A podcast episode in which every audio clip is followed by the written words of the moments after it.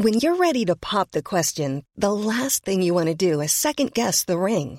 At Bluenile.com, you can design a one of a kind ring with the ease and convenience of shopping online. Choose your diamond and setting. When you find the one, you'll get it delivered right to your door. Go to Bluenile.com and use promo code LISTEN to get $50 off your purchase of $500 or more. That's code LISTEN at Bluenile.com for $50 off your purchase.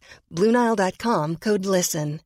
This is Paige, the co-host of Giggly Squad, and I want to tell you about a company that I've been loving, Olive and June. Olive and June gives you everything that you need for a salon quality manicure in one box. And if you break it down, it really comes out to $2 a manicure, which is absolutely insane. It's also so easy to get salon worthy nails at home with Olive and June. The difference between how your nails used to look when you did them yourself and now with the Manny system is a complete game changer. The best thing about Olive and June too is it's a quick dry, dries in about one minute, lasts for five days, and full coverage in up to one to two coats. Visit oliveandjune.com slash perfectmanny20 for 20% off your first system. That's oliveandjune.com slash perfectmanny20 for 20% off your first system. Hey, it's Paige DeSorbo from Giggly Squad. High quality fashion without the price tag. Say hello to Quince. I'm snagging high-end essentials like cozy cashmere sweaters, sleek leather jackets, fine jewelry, and so much more. With Quince being 50 to 80% less than similar brands. And they partner with factories that prioritize safe, ethical, and responsible manufacturing. I love that. Luxury quality within reach. Go to quince.com slash style to get free shipping and 365 day returns on your next order. Quince.com slash style.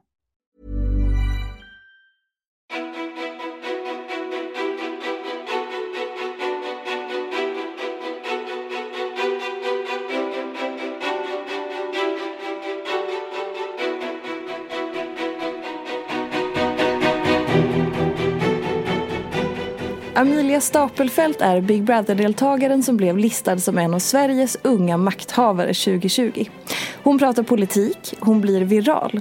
Hon startade det numera berömda Clubhouse-rummet med Margot och Amelias inlägg om straffrabatt spred sig som en löpeld i sociala medier.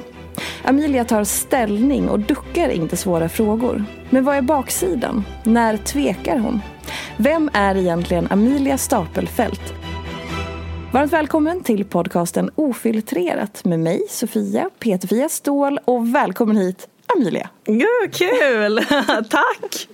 Tack själv! Och nu har du äntligen fått kaffe. Det var ju liksom lite, en liten process där, där utanför. Exakt.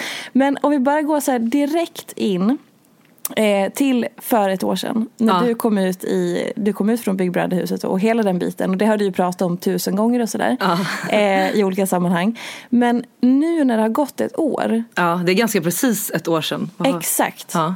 Hur ser du på hur den liksom upplevelsen påverkade dig? Oj, alltså jag är väldigt så årssentimental person du vet som alltid gillar att titta tillbaka sådär att när det är typ ett år sedan. Så jag har tänkt ganska mycket på den saken nu. Och eh, det har ju verkligen varit både väldigt positivt och ibland lite negativt. Mm. I det stora hela så är jag nog sjukt eh, tacksam. Just nu i alla fall så känner jag mig sjukt tacksam över att jag att jag liksom får göra, eller så att, att jag får vara den personen som jag är just nu. Typ.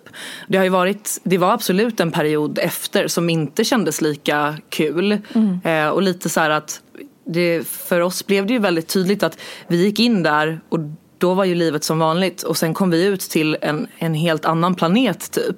Och det var inte jag beredd på när jag gick in där. Och jag kanske i liksom, perioder har jag ju verkligen reflekterat och tänkt att så här, hade, jag, hade jag gjort det här om jag visste att jag skulle komma ut till liksom en helt annan arbetsmarknad, en helt annan, alltså du vet allt det här. Det är klart mm. man hade ju inte undvikit corona bara för att man inte gick in där men att så här, det blev ett sånt skarpt skifte liksom. Och det är klart att det påverkar den psykiskt sjukt mycket. Mm. Men just nu så här ett år senare så, så är jag väldigt glad och typ stolt över liksom den personen som jag just nu lyckas vara. Den, både jag vill vara och lyckas vara för det är inte alltid du vet så här, det är inte alltid de sakerna mm. är detsamma. Nej. Men att, och det är så här, jag tror inte att det är någon som tänker att en person som går in i ett realityprogram år 2020 ska sitta ett år senare och kalla sig för opinionsbildare. Alltså så här, det, är en, det är en ovanlig bana liksom och den har ju inte på något sätt kommit automatiskt.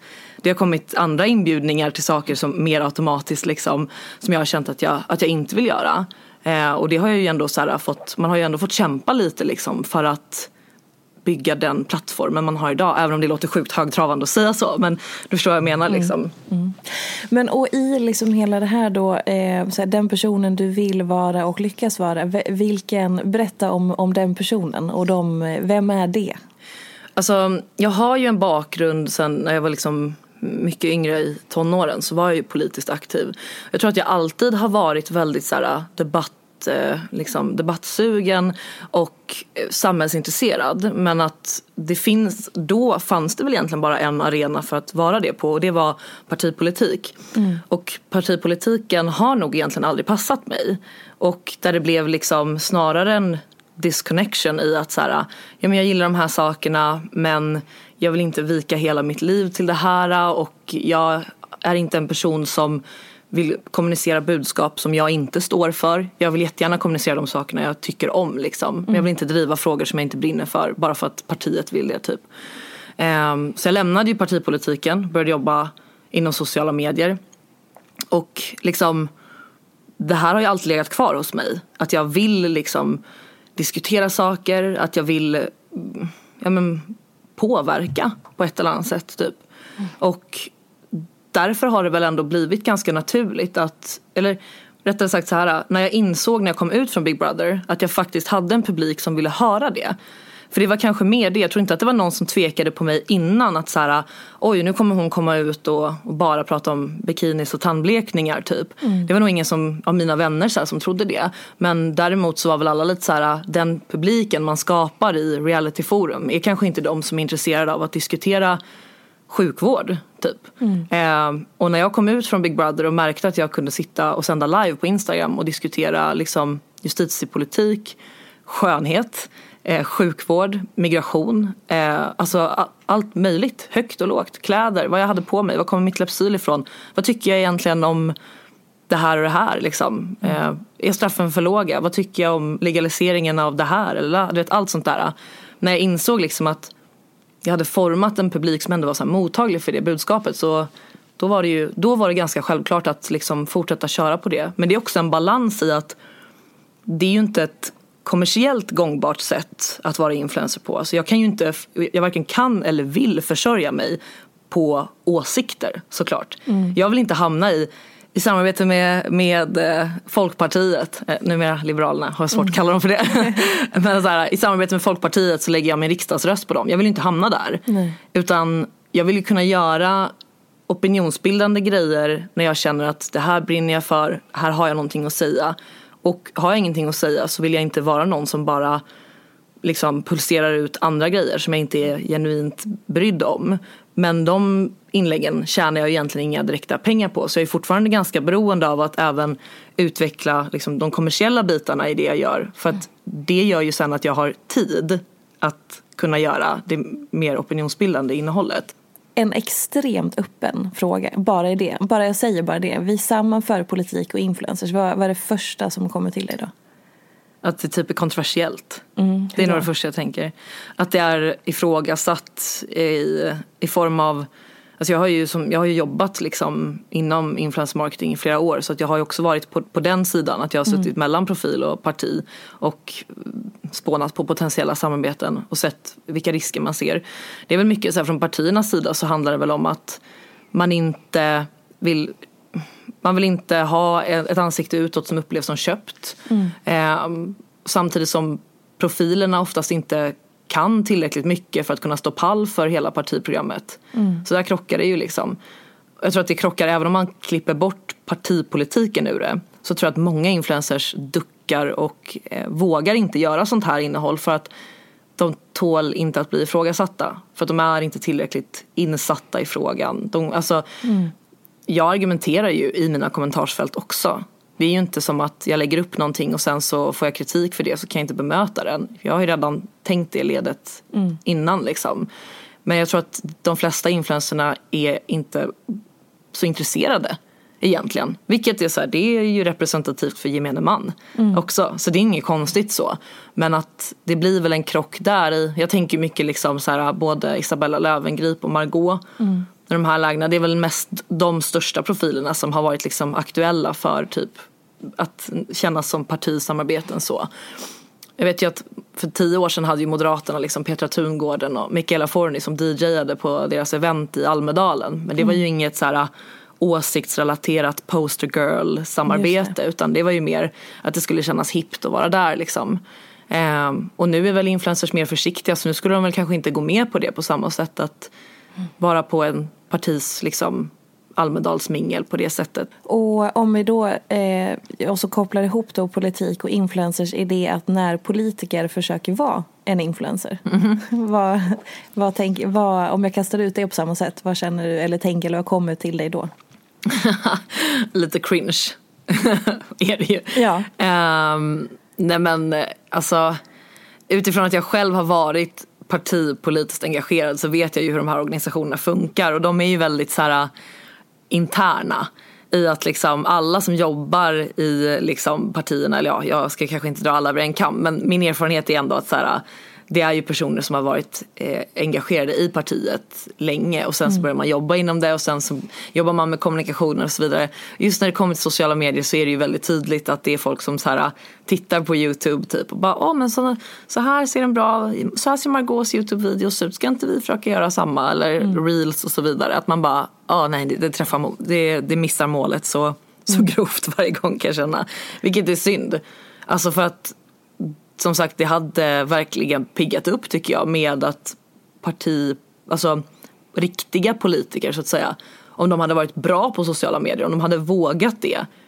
Jag hade älskat det. Mm. Men det är ju väldigt så här, lite skådespel tycker jag. Det är så här, man märker att de har tittat på man kollat på TikTok typ och så tänker de att ska vi inte göra en viral Vänsterpartiet dans typ. Alltså du vet så här, nu fiktivt exempel. Men du förstår vad jag menar att man ja. bara så här nej nej nej nej nej nej. Men i det här har det alltid kommit naturligt för dig att så här, som du säger så här, stå rakryggad, vara, vara du. Har du alltid haft en självklarhet i det?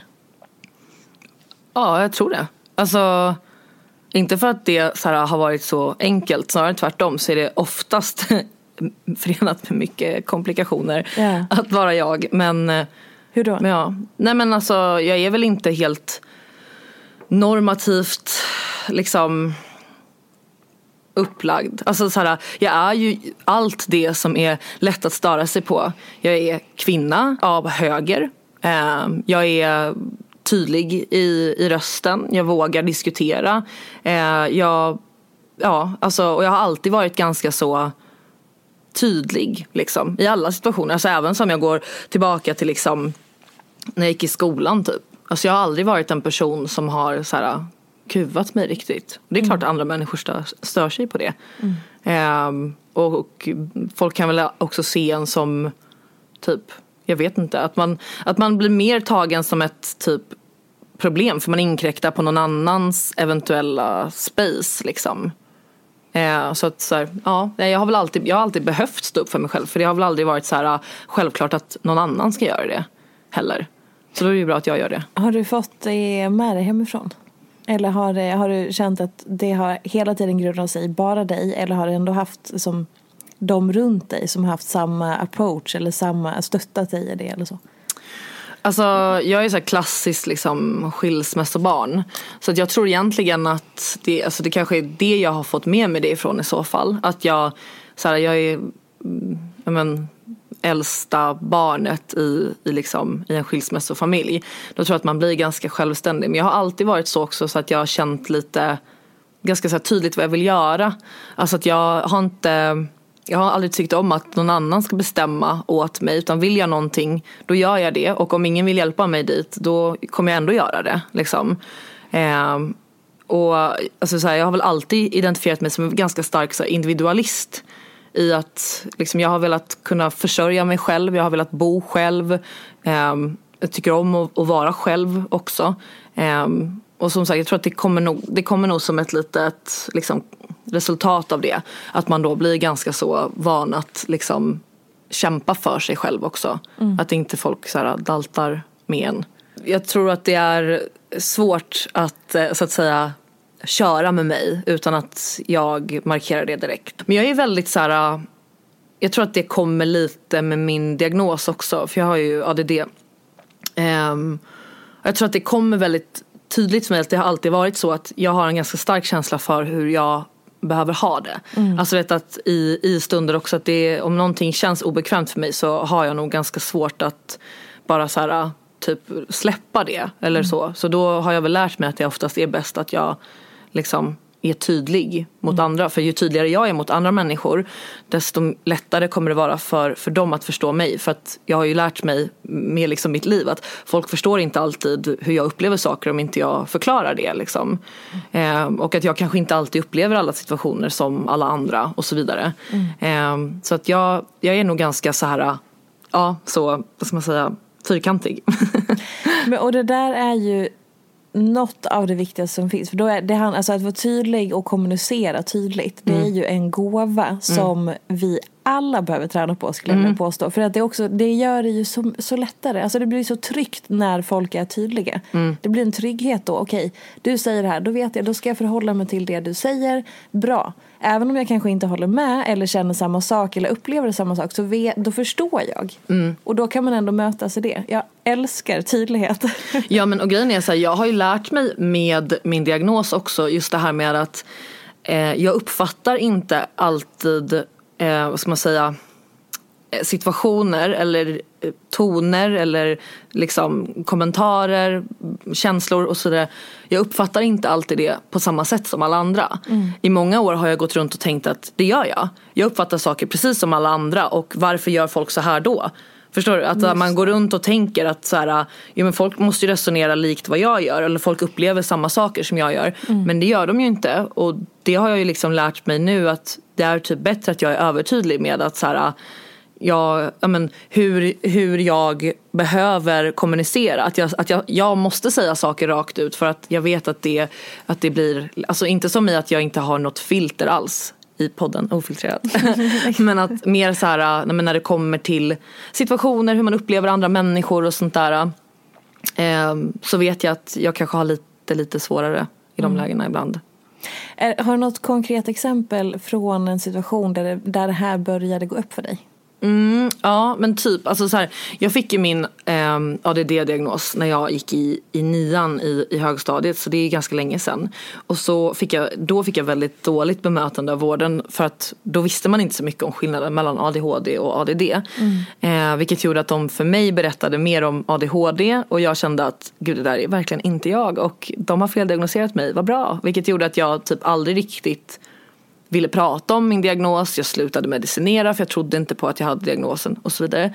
Men sen då klipp till liksom tio år senare när jag jobbade och jag liksom bara upplevde att ja men allting ifrån att jag hade så extremt svårt att höra vad folk sa tidigt på morgonen Mm. Att jag var så här, jag tolkade mig själv som morgontrött. Men jag var liksom morgontrött tills klockan var 11. Då var jag lite mindre morgontrött i en timme och sen så kom det tillbaks snart igen.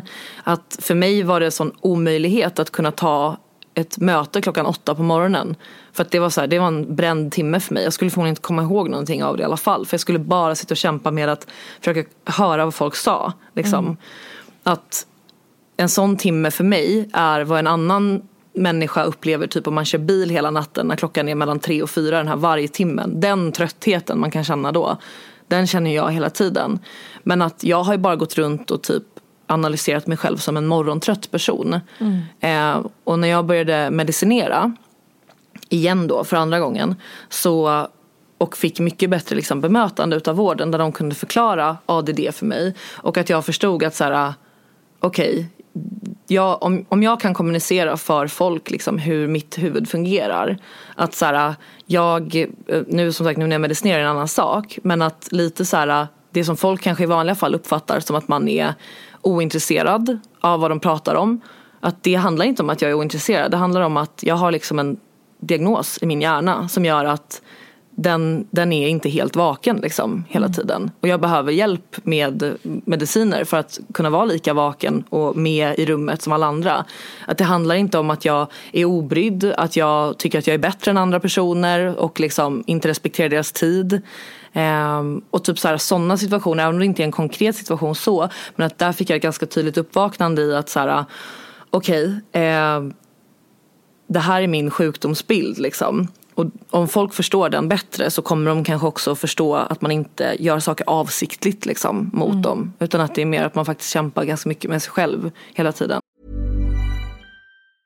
A lot can happen in the next three years. Like a chatbot may be your new best friend. But what won't change? Needing health insurance. United Healthcare Tri-Term Medical Plans are available for these changing times. Underwritten by Golden Rule Insurance Company, they offer budget-friendly, flexible coverage for people who are in between jobs or missed open enrollment. The plans last nearly three years in some states, with access to a nationwide network of doctors and hospitals. So for whatever tomorrow brings, United Healthcare Tri-Term Medical Plans may be for you. Learn more at uh1.com.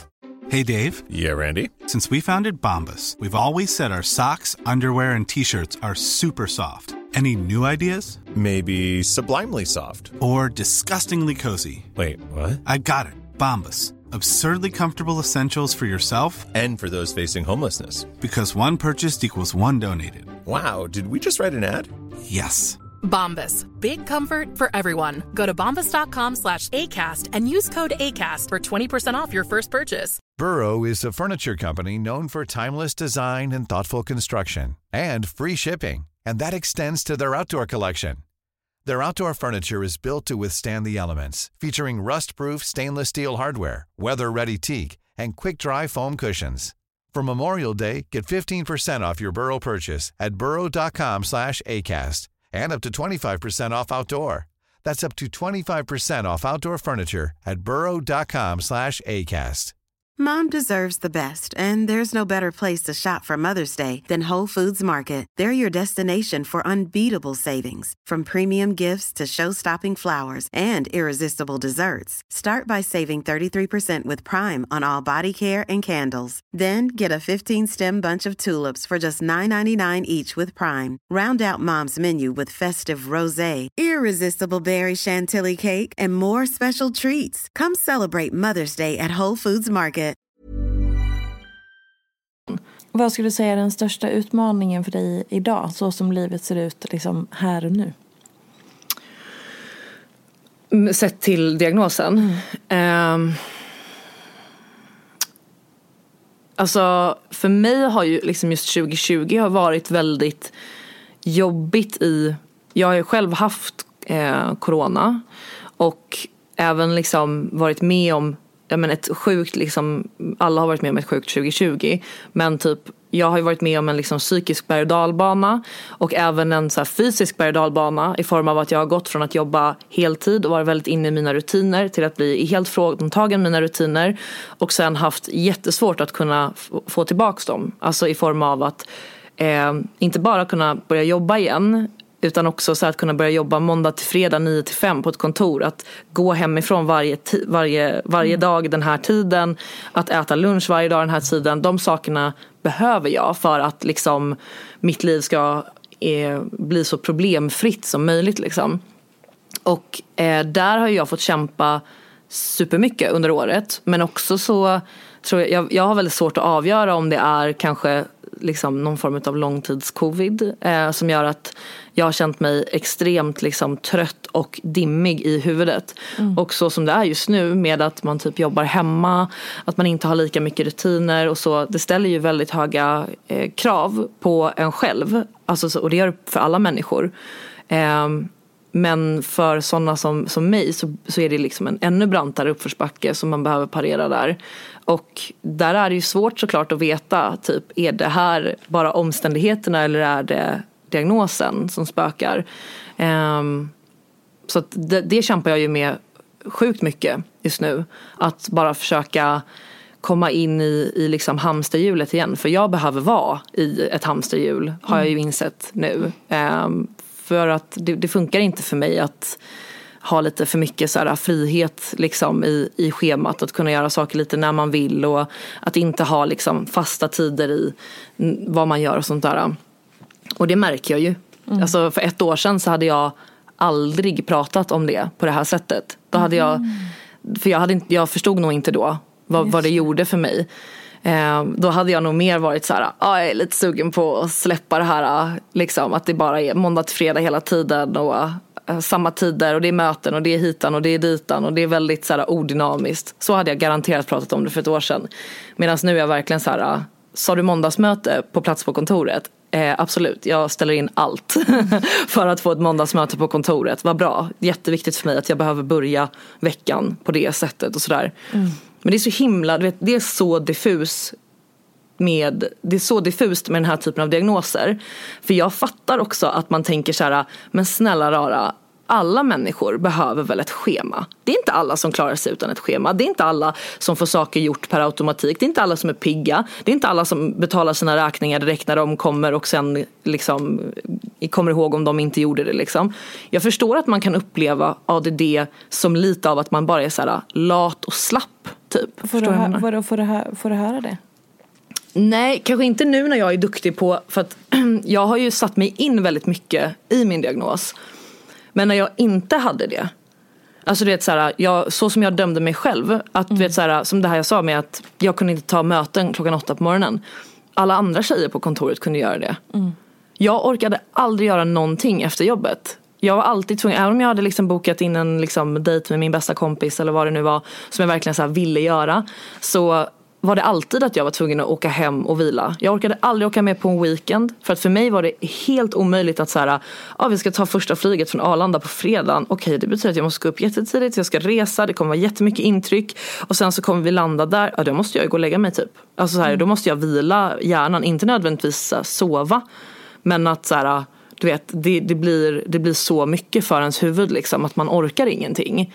Och det har jag ju, all, för mig själv har jag alltid tänkt att fy fan vad det är oattraktivt och liksom lågställt i det här samhället att vara så orkeslös. Förstår du? Alltså vi bor i, bor i liksom Sverige 2021. Vem, för vem är det bra att inte orka göra någonting? Och att typ, in, vet, så här, mina helger, jag sov 18 timmar om dygnet. Liksom. Nemas problemas för mig. Jag kan sova bort ett dygn utan problem. Liksom.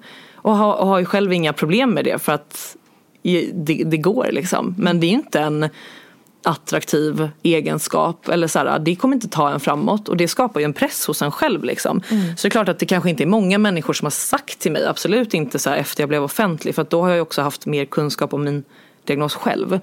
Men det är väl mer hur man ser sig själv typ. Och att man så här, det är ganska skönt att få veta att så här, okej men alla de här sakerna, typ komma i tid. Jag är, jätt, jag, jag är jättedålig på att komma i tid. Alla mina kompisar som lyssnar på det här nu skrattar garanterat. Men så här, det handlar inte om att jag är nonchalant utan det handlar om att jag har liksom biologiskt väldigt svårt för tidsuppfattningen. Mm. Att det är så här, äh, vad en minut känns som för dig, det är inte vad det känns som för mig. Eller vad nio minuter känns som. Liksom. Ehm, och att det ställer till min vardag väldigt mycket hela tiden. Och det märker andra människor och så tycker de att man är liksom störig. Så. Eh, och så känner man själv att, ah, för fan vad dum jag är. Som jag, så många gånger du vet som typ jag har kommit för sent till jobbet så här, och suttit och varit nervös på vägen dit för att nu är jag sen igen. Klump i magen, kommer dit och bestämmer mig, usch jag klarar mig den här gången också. Aldrig mer, aldrig, aldrig, aldrig mer. Nu bestämmer jag mig på riktigt, jag ska aldrig mer komma för sent. Och det går inte. Det spelar ingen roll hur mycket man bestämmer sig för sådana saker för att det är inte en inställning. Det är liksom massa saker i huvudet som bara är som en dimma liksom som kommer göra det jävligt svårt att lyckas med andra saker som folk har väldigt lätt för. Alltså så här, om man inte har en diagnos så kanske det hade varit mer av en attitydsgrej liksom. Så den är svår. Och hur, för nu låter, som sagt, det låter ju som att du har landat mycket, men har det varit självklart? Vad då för något? Nej men att du så här, nu, för nu låter du väldigt sorterad Mhm, och liksom mm. att du har så här accepterat och landat och så. Men, och sen har du, sa du samtidigt innan att så här, det har varit en väg hit såklart, en så här Mm. berg och dalbana och sådär. Men är det precis nu du har börjat landa i det här eller är det tidigare under året? Jag tror att jag är en ganska reflekterande person. Eh, och också lite så här, det hänger nog ihop med min så här individualistsida. Att jag är så här, jag, ja men om inte jag reflekterar över mitt eget liv så det är ju ingen annan som kommer göra det åt mig liksom. Eh, och jag är ju så att säga chef över mitt eget välmående. Och då behöver jag ju fundera på de här grejerna hela tiden. Mm. Vad är det som funkar, vad är det som inte funkar, hur kan jag må bättre, vad är det som gör att jag inte mår bättre liksom. Eh, så jag tror att jag reflekterar nog ganska mycket hela tiden. Men framförallt när det kommer till diagnosen så tror jag att, att jag har tänkt ganska mycket på det nu. För att jag just har upplevt en trötthet som inte mina mediciner just nu verkar rå på. Ehm, jag ska faktiskt byta medicinering imorgon, blev bestämt igår.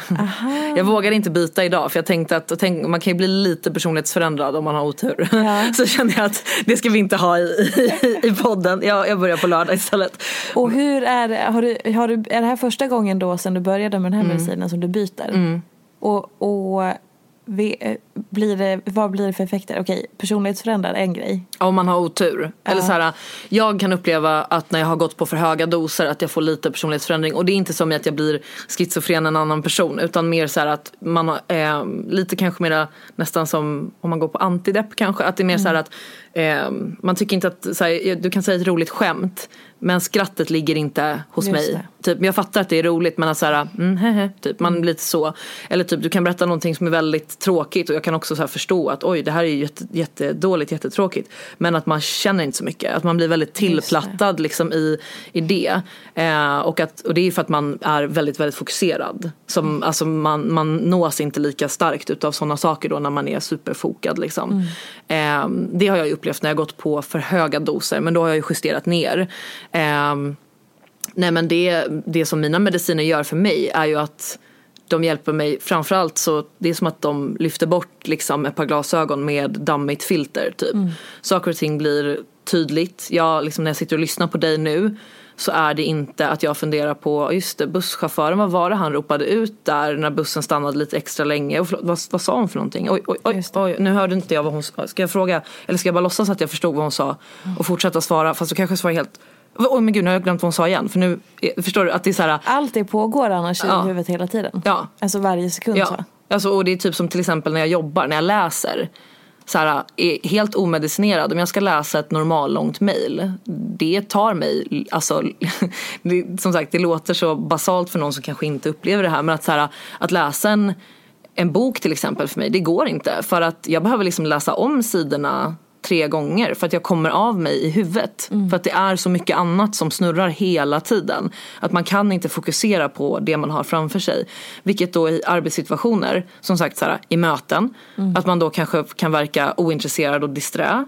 Fast det är man inte, utan det, man gör sitt bästa. Att saker och ting tar lång tid. Att skriva, att läsa, att det kan ta lång tid för att man börjar om, om och om igen. Att störningsmoment, det går förbi någon som säger hej hej, oj, titta upp, titta bort från datorn och sen oj, uh, hallå, var var jag någonstans? Alltså, du vet hela det. För mig så tar medicinerna bort väldigt mycket utav allt det där. Som, eh, jag vet inte om det är en jättekonstig jämförelse, men innan vi satt i- startade så pratade du om att du unnade dig noise cancellation. Ja, ja. Alltså lite den, eh, kan man jämföra lite Ja. den känslan? Ja, 100 procent. Ja, så brusreducerade hörlurar bara för att man på något vis ska ha en, en tydlig jämförelse. Okej. Ja. Ja, men, och det är ju alltså det du beskriver låt... Det var en Alltså- jättebra jämförelse. Var det? Ja det var det faktiskt. Det var din egen? Ja, men det var jag verkligen. Exakt så. Och det är så här, det, den, man förstår ju också att, att leva så gör ju att man blir ganska trött. Liksom. Eh, och det är ju det som är skillnaden på ADD och ADHD. Att en person med ADHD blir, har ju hyperaktivitet liksom, som stressar hjärnan att komma igång. Medan en person som har ADD har inte det. Vilket gör att man går liksom neråt istället. Ehm, och den missuppfattningen då, för att det är ju det som gör att personer med ADHD till exempel ofta är väldigt så här, ja men har svårt att sitta still, att man sitter och så här, trummar på saker, att man är väldigt så här Mm. överallt och ingenstans typ. Den beskrivningen kände inte jag mig igen i, i överhuvudtaget när jag fick den när jag var 15 liksom. Men Mm. nu när jag förstår mig själv lite bättre så liksom, då har jag inte så, då har jag ganska lätt för att prata om det också. Mm. Det behövs för att det är så jäkla många som har den här, alltså det, det är ju inte vad jag, jag tror inte att ADD är en ovanligare diagnos än vad ADHD är. Men 90% av allt man pratar om är ju ADHD och mycket av det man pratar om med ADHD är att det skulle vara en sån himla superkraft och att mm. man ska inte ta mediciner och så här, det är bara så här, gud det är min, min kreativa motor, la la la. Jag hatar det snacket för mm. att det hade inte hjälpt mig ett skit när jag var 15 och liksom satt hemma och grät för att jag kände mig annorlunda och inte förstod varför. Att få höra att det här är så bra. Mm. Alltså inte som i att det per automatik alltid måste vara jättenegativt. Men jag tycker att det är viktigt att man vågar prata om att så här, det här är det jobbiga med den här diagnosen. Så här upplever jag den. Jag gjorde ju en video, det var väl kanske lite, alltså, ja, lite så kanske det var faktiskt. att När jag kom ut från, från Big Brother så hade jag ju pratat där inne om diagnosen. Eh, och det hade folk hört och folk typ kände igen sig i saker jag sa. Vilket gjorde att, för det var ju typ min första så här, video som jag gjorde, det var ju om min ADD. Mm. Eh, som, den fick ändå så ganska bra med visningar så jag tror att det var lite det som gjorde att jag snöade in på att kanske så våga fördjupa mig lite mer och prata om specifika saker liksom. Även om det inte var lika politiskt liksom. Mm. Men att när jag kom ut så var det så, alltså jag hade så sjukt mycket DMs från folk som var så här jag måste fråga dig om det här, du började prata om det här med ADD och jag känner igen mig så mycket. Eh, alltså det som har rört mig jättemycket är när folk har skrivit så om sina barn som är små. Alltså här, jag har en son på fem år och jag upplever honom så här och så här och jag tror verkligen att när jag har hört vad du har berättat så mm. har du satt ord på saker som här, jag förstår honom på ett annat sätt nu men han kan inte sätta ord på det själv för att han är så liten. Mm, det. Eh, och det har ju verkligen så här berört mig jättemycket att läsa att folk är så här, gud tack för informationen för nu fattar jag. Och det är klart att så här, sitter folk bara och skriver böcker om att ADHD är så himla bra och man ska inte ta mediciner, det är liksom Hakuna Matata till, till diagnos. Alltså mm. det är inte så för de flesta människorna. Men de kommer aldrig förstå att så här, det finns typ ett svar på det här om inte någon börjar prata om det också liksom. Så det är ändå en sån sak som jag faktiskt känner att jag, jag är väldigt stolt över att jag ändå Typ, för det, vet, det tänkte inte jag på där inne. Mm. Det var ju för mig som att sitta och snacka med kollegorna i lunchrummet. Så här, att man bara, ah, nej men så här, ja, de frågar ju liksom varför de kallar jag fick ju, Vi fick ju våra mediciner genom eh, liksom ett, eh, bikten där inne mm. då. Så att eh, produktionen kom in och gav dem till oss. Vi hade dem inte inne i huset då. Mm. Och så var det bara så här, du vet, på den vägen att någon frågade vad det var för mediciner jag tog. Och så bara berättar man det, så här, det är inga konstigheter liksom. Och mm. sen så kommer det in på andra att folk frågar om det liksom. Man har bara haft ett vanligt samtal och sen kommer man ut och inser att det är flera tusen som också har hört det. Mm. Och att det har påverkat dem. Så det är ju, det, det har gjort mig ganska varm på något sätt ändå. Ja, så otroligt viktigt att prata om. Mm. Eh, och om vi bara alltså backar lite grann tillbaka så sa du att du, du är ett så klassiskt skilsmässobarn. Mm. Eh, vad, för det, jag pratade med några kompisar senast idag eh, i, om det. Att så här, 50 procent skiljer sig. Mm. Eh, någonstans där ligger du. Och du som har den erfarenheten och det är många som separerar och mm. många har barn och sådär. Vad skulle du ge för tankar eller tips eller bara så här, vad tar du med dig från den erfarenheten i och med att det är så otroligt vanligt och många som är i den situationen både som barn men också som föräldrar till barn som mm. separerar? Typ att normen kommer aldrig liksom att tacka, tacka dig för att du höll ihop för dens skull. Att så här, att mina föräldrar höll ihop lite för länge bara för att det finns en norm om att man, alltså för de är ju liksom 50 och 60-talister så de har ju kanske mm. en annan syn på det också. Men att de är uppvuxna med en norm om att så här, man, man går inte isär. Så man höll ihop för att det ska bara vara så. Och jag, jag tycker att det är så himla fint att se som typ så här, men Bingo och Katrin är ju verkligen ett sånt fint exempel på att så här, man kan vara familj fast man har skilt sig liksom. Mm. Um, och jag tror att det, man, man måste nog bara våga lite så här känna att saker och ting får bli bäst på ens eget sätt liksom. Snarare än att så här, de förväntningarna som finns runt omkring en typ. Och det är ju ingen skam nu. Det är en helt annan situation nu tänker jag också i att, så här, att ens föräldrar inte är tillsammans. Jag blir typ mer förvånad om någons föräldrar är tillsammans mm. nu. Än om de inte är det. För det är väl liksom typ alla mina vänners familj eller eh, föräldrar är väl mer eller mindre skilda. Mm. Eh, och det är väl inget fel med det liksom. Mm. Men att, ja jag vet inte. Jag, jag tror att jag har lite så här generellt väldigt svårt för så här, normer. Ehm, och även typ, jag tror att det har format mig ganska mycket till att jag har ehm, mina, mina närmsta vänner liksom. De har ju i mångt och mycket mer fungerat som en familj för mig än min familj. Ehm, och att, att bygga liksom starka relationer som inte nödvändigtvis är blodsrelaterade liksom. Det, det har liksom, de relationerna är de som har räddat mitt liv många gånger när jag har mått riktigt, riktigt dåligt. Så.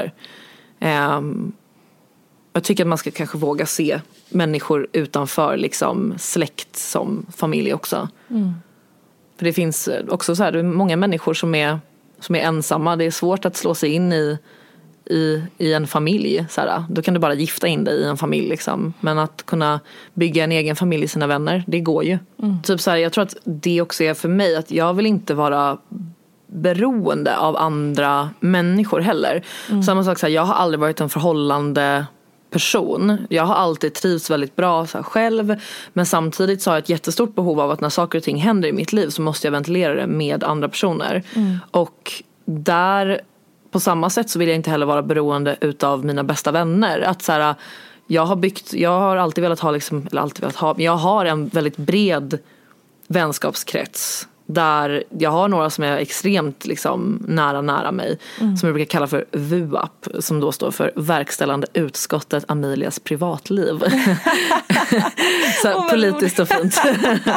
och där är liksom VUAP omröstningar om det är riktigt så här. VUAP röstade ju absolut om Big Brother innan det blev bestämt till exempel. Men vad heter det? Och hur stor effekt, alltså hur, stor, eh, hur stort mandat har de på, alltså säger de nej då, då gör du ingenting?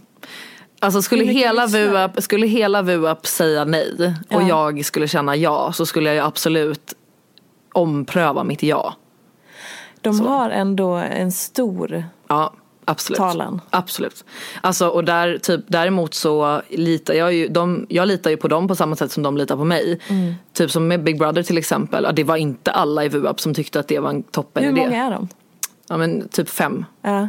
Sen kanske, i, beroendes lite på situation så kan det vara så att man inkluderar vissa och, Ja. och så. Men jag skulle säga att det finns ju en kärntrupp på fem personer. Ja. Eh, och det var absolut inte alla som tyckte till exempel att Big Brother var en bra idé. Och det handlar ju om vad, alltså, vad kommer de ifrån? Vilka perspektiv bär de med sig? Mm. Och det är ju det som gör att jag tycker att det är skönt att ha en grupp med väldigt olika människor som kan säga sitt och det, det kanske grundar mitt beslut. Men som sagt, skulle alla säga nej eh, av olika skäl till en sak då måste jag ju någonstans inse att okej, då kanske jag är dum som känner ja.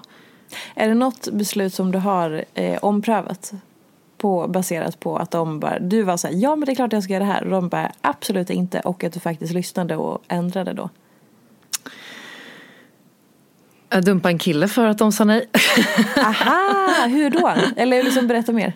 De, eh, de var rörande överens om att det här var, eh, alltså helt oberoende av varandra så var de rörande överens om att det här var skit. Han var inte bra för dig. Mm.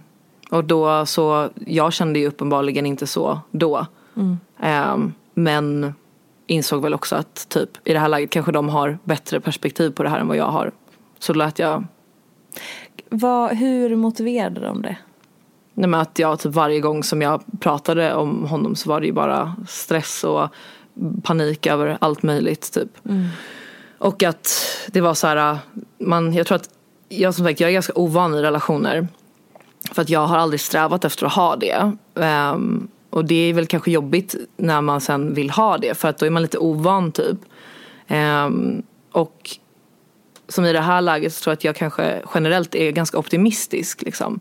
Att jag vill att saker ska bli bra.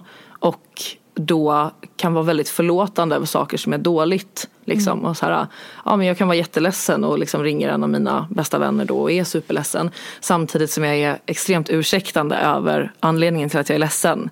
Att så här, kan lägga det på mig själv eller liksom, ja men det kommer bli bättre och nu när vi har pratat igenom det här då kommer det kanske inte hända igen typ. Eh, och då är ju de, då är de väldigt bra för mig att kunna säga att liksom så här we don't like. Och det är ju inte som att de går ihop som en grupp liksom, utan det är ju såklart enskilda samtal där jag bara okej men om de fem personerna som står mig närmast alla är så här s- väldigt skeptiska och typ du får göra som du vill men gilla inte. Då, då kanske det ska, de fem ska väga tyngre än att jag själv tänker att det här är värt en chans typ. Vad faller du för för typ av person? Det där är så himla svårt just för att jag tror också typ att Alltså Jag tror att väldigt många killar har svårt för sådana tjejer som jag. Det är min fördom mot hela det manliga släktet typ. Ehm, både i att så här, ja men att jag, hela den här diskussionsgrejen liksom, att jag tycker om att diskutera, tycker och tänker mycket och det ställer ganska höga krav på de personerna som jag vill ha nära mig. Att, alltså, du vet, jag, jag tror aldrig att jag skulle trivas i en relation där jag känner att jag måste förklara saker hela tiden. Ehm, så därför så tror jag egentligen att jag, att jag faller för personer som är ganska smarta. Eh, men som inte känner sig hotade av att för det är typ så här, det är också en väldigt konstig och ovan situation för mig i mitt liv just nu för att för ett år sedan så var det inte per automatik så att mer kretsade kring mig. Förstår du vad jag menar? Men nu är det ju så. Att nu är det så här, ja men typ jag jobbar delvis med mitt eget namn och mitt eget liksom, inte varumärke men så här, jag som person, som profil i att hur jag liksom ska utveckla mig själv på det sättet och vad jag säger och vad jag gör. Att saker och ting kan bli väldigt stort. Både så här, ja men typ du nämnde ju Margårummet till exempel där i, i början. Att så här, saker som jag gör ibland då kan snappas upp på, på andra ställen och det blir väldigt högt tryck mot mig och sånt där. Jag är ju själv inte alltid van vid det. Och, och då är jag ju ännu mindre van i att vara på något sätt, vet, så, här, så att, att vara väldigt självcentrerad. Jag, jag gillar ju egentligen inte det. Nu, jag hade en period nu när jag bara jobbade med Instagram. Innan jag började jobba nu på det jobb som jag har nu. Och jag kände ju liksom ganska snabbt du vet att jag bara, fan jag blir en rätt kräkig person av det här. För jag, det handlar bara om mig hela tiden. Jag har inga kollegor, jag har inget kontor, jag är bara hemma hos mig hela tiden. Det är min Instagram, det är mitt ansikte, det är mitt namn. Det är jag som pitchar mig själv och det är jag som förhandlar för mig själv. Det är jag som försöker utveckla mig själv, det är jag som vill slå mig fram. Och jag, jag, jag, jag, jag hela tiden. Så när någon frågar om hur min dag har varit så är ju svaret jag. Alltså förstår du? Och det är så här, Ja. I don't want that. Alltså jag vill verkligen inte vara där. Samtidigt som man är så här, det är ju inte som att jag bara, ja jag kommer ta bort mitt Instagram-konto. I don't. För att jag tycker fortfarande om den delen som, som där jag känner att jag gör skillnad. Och för att jag ska kunna liksom utveckla det. För att fler människor ska kunna få upp ögonen för mig så att jag ska kunna göra skillnad. Eller känna att jag gör skillnad för fler människor. Ja då behöver jag ju utveckla mig själv på det sättet. Men att så här, de flesta killarna tror jag inte är per automatik så bekväma i det. Typ. Tror jag. Jag vet inte. Det krävs lite stake Ja. för att låta ens kvinna ta plats. Fy fan vad tråkigt att behöva säga den meningen. Ja. Men du förstår vad jag menar. Alla Ja. klarar inte av det. Verkligen inte. Och därför tror jag också att jag är på något sätt den inställningen hos mig. Jag är också, tror jag ligger till grund väldigt mycket för att jag kan vara sådär förlåtande i situationer också.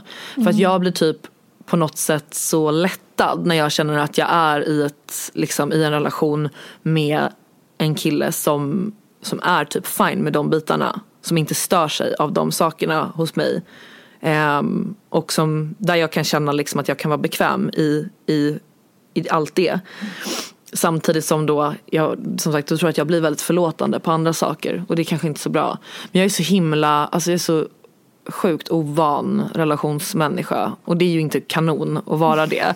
För att det är ju, eh, alltså jag satt och tänkte på det på vägen hit nu. Jag bara, alltså fatta alla mina polare som har gått igenom breakups. Varför lever de? Alltså vet, så här, för att jag är typ ett breakup liksom och jag är så här, nej men herregud det är bara att plocka ner flaggan typ. Alltså, nej men vet jag, jag förstår inte hur folk har orkat hur, hur orkar folk dejta och typ ge sig in? Är det för att de håller tillbaka mycket av sig själva länge typ så att det inte blir så jobbigt om det liksom går isär? Eller förstår du vad jag menar? Att man blir så här, hur fan pallar folk typ? Jag har ju haft mycket mindre problem när jag bara varit så här, nej tack jag är inte intresserad av någon relation. Tack och hej, jag har skött mitt eget liksom. Det har varit kanon typ. Men jag tänker att det är, det är också en grej man glömmer att prata om. Just att så här, relationer som allt annat behöver man ju träna på. Och även dating, singelliv, kärleksrelationer, parrelationer. Alltså det, är så här, det krävs ju, jag, hade, jag har nog nämnt det någon gång tidigare men eh, när Martin Molin gästade podden för något år sedan han var så här, "Mi- om jag skulle, ha en, om jag skulle gifta mig igen då hade jag nog varit en bra man för att då har han, han har två Han äktenskap. Ja. Och sen nu fattar jag vad mina tidigare exfruar har kritiserat mig för. Och att så här, det använder ofta min, två av mina kompisar som en referens. Att så här, det är som Martin Melin säger, man måste öva på relationer, man blir Ja. bättre. Och så här, ja, såklart. Har man varit tillsammans med samma människa som man var 15, Mm. det är väl klart att man kanske inte är så tipptopp på relationen alla gånger. För man har kanske bara en erfarenhet och en, en grej att jämföra med. Liksom, eller en Ja. person eller en relation. Men verkligen. Och typ så här, jag tror också att det kanske blir lättare för mig för att nu är det också så här, du vet. det konstiga med att ha varit med i, i Big Brother är ju också att man, eller typ så här, jag tror att det är en annan sak om man blir, om man växer in i liksom det offentliga medans typ och att det kanske är en lite mer klippta version och så vidare. Jag är ju alltid lite så här nojig över att folk har en bild av mig nu. Jag tycker att det har varit lite svårare att lära känna nya människor efter för att man både, alltså inte nödvändigtvis för att folk beter sig annorlunda kring mig utan mer för att jag hela tiden tänker att så här, oh, alltså vet, så här, att om någon känns lite kylig i ett möte så här, typ på jobb liksom då kan jag bli så direkt. Jag bara ah, shit det är någon som inte gillar en som, som de har sett. Typ. alltså att man tänker sådana saker. Ehm, och där ehm, jag vet inte, jag tycker det, det är en ganska stor utmaning för mig i att generellt träffa nya människor. Det är klart att det är ju ännu svårare då om man typ dejtar också för att man, man känner sig lite nervös så. Men det är ju, jag vet inte, det, det känns som att det blir lättare hela tiden med, med tiden och typ att ju mer andra saker jag gör desto mindre handlar jag om, om bara det typ. Om BB liksom. Ja. Men det är skitsvårt för fan. Och också så här, förlåt men livet i den här pandemiåret. Alltså Ja. Ja, det är ja, verkligen ja. så här, man bara vart Nej men gud, alltså det är verkligen, jag är en blind leder en annan blind. Det är jag och mig själv nu som ger sig ut på dejtingmarknad typ. Oh vad spännande, du får komma hit och berätta om, om eh, singellivet efter covid sen. Verkligen, och se hur många gånger jag blev ifrågasatt så för Margot-rummet. Vad hände egentligen? ja, jag tror inte att det kommer dyka upp så jätteofta på Tinder-dejter kanske. Förhoppningsvis inte. Nu ska du få sista frågan. Mm. Vi måste tyvärr börja avrunda. Fri tolkning. Ja. Vad är inte som det ser ut? Oj! Det, det första som kommer till mig är typ Instagram. Ja, men det brukar det göra för de flesta. Ja, och att jag tänker typ mest så här att folk är ehm, generellt tycker jag väldigt mycket mer ensamma än vad det ser ut. tror jag. Oh, Intressant. Alltså så. Ehm, jag tror att man ofta får en bild av att saker och ting är så himla typ lätt och glossy liksom. Ja okej, det här är världens mest sagda sak. Att bara så, allting är inte som det ser ut på Instagram. Alltså folk kämpar så mycket. Men att det är väl mer så här att jag tror att ehm, det är både liksom så här, mer jobb bakom saker än vad folk förstår. Att folk kämpar mer, eh, att folk liksom mm, flyttar hit och vill lyckas men att de i grund och botten kanske ofta är ensamma personer typ. Eh, som inte alltid mår så bra som man tänker typ. Men det är ju också så här svårt för folk att släppa fram de sakerna när klimatet är att man ska bli så ifrågasatt hela tiden. Typ. Jag vet inte, jag på senaste tid så har jag nog bara varit väldigt tacksam över, det här kanske blir det kräkigaste någon någonsin har sagt, men jag är väldigt tacksam över att jag kommer från Stockholm. För att jag har mina så här original friends här. Om du förstår vad jag menar. För att jag ser så himla många andra som flyttar hit för att det går bra och för att man från början behövde man ju bo här för att alla events är här, alla möten är här och så vidare. Men att det i så mm, hög utsträckning ändå är väldigt eh, ensamma personer. Som jag var inne på innan själv också att jobbar man typ bara med sina sociala medier och sitter hemma och det handlar om jag, jag, jag hela tiden. Det är svårt att liksom få kollegor Det är svårt att kanske komma, så här, få ett lite mer dynamiskt liksom, liv. Och att jag tror att mest så här, inte för att jag så här, syftar på någon specifikt utan nog mer bara att jag är så himla tacksam över att jag har liksom mina vänner här. Att jag bor granne med min bästa kompis är jag jättetacksam över. Och att jag inte behöver känna att de närmsta personerna jag har omkring mig är personer som jag bara haft omkring mig i ett halvår. För att det är så länge jag har, typ, eller så här, ett år blir det väl för mig nu. Men du förstår vad jag menar? Att, så här, att ens närmsta vänner har funnits med längre än ett år.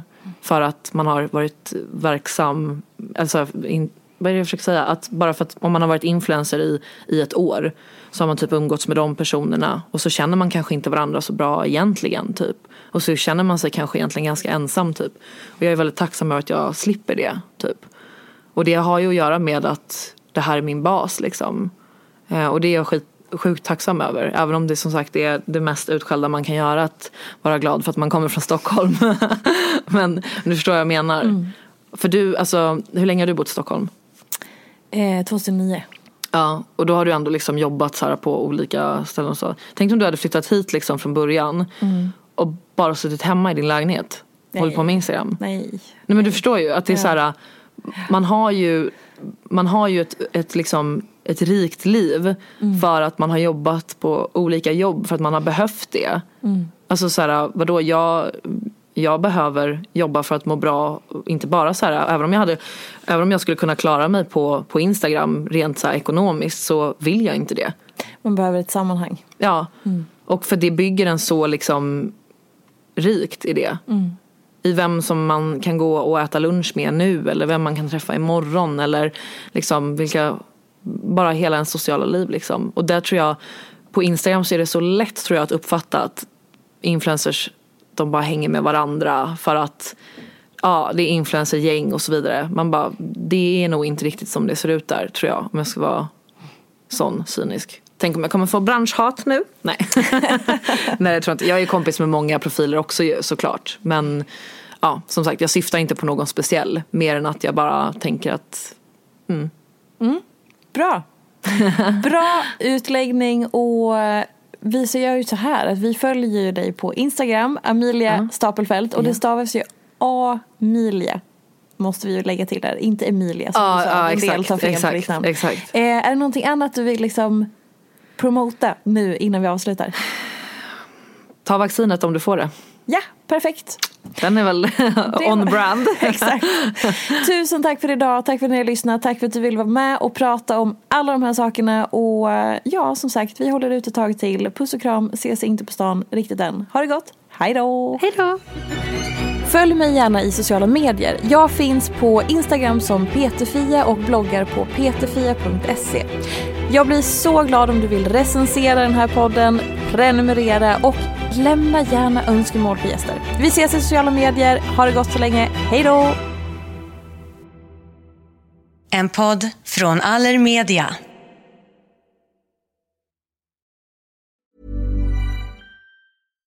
Here's a cool fact. A crocodile can't stick out its tongue. Another cool fact, you can get short-term health insurance for a month or just under a year in some states. United Healthcare short term insurance plans are designed for people who are between jobs, coming off their parents' plan, or turning a side hustle into a full time gig. Underwritten by Golden Rule Insurance Company, they offer flexible, budget friendly coverage with access to a nationwide network of doctors and hospitals. Get more cool facts about United Healthcare short term plans at uh1.com. Want flexibility? Take yoga. Want flexibility with your health insurance? Check out United Healthcare Insurance Plans. Underwritten by Golden Rule Insurance Company, they offer flexible, budget friendly medical, dental, and vision coverage that may be right for you. More at uh1.com.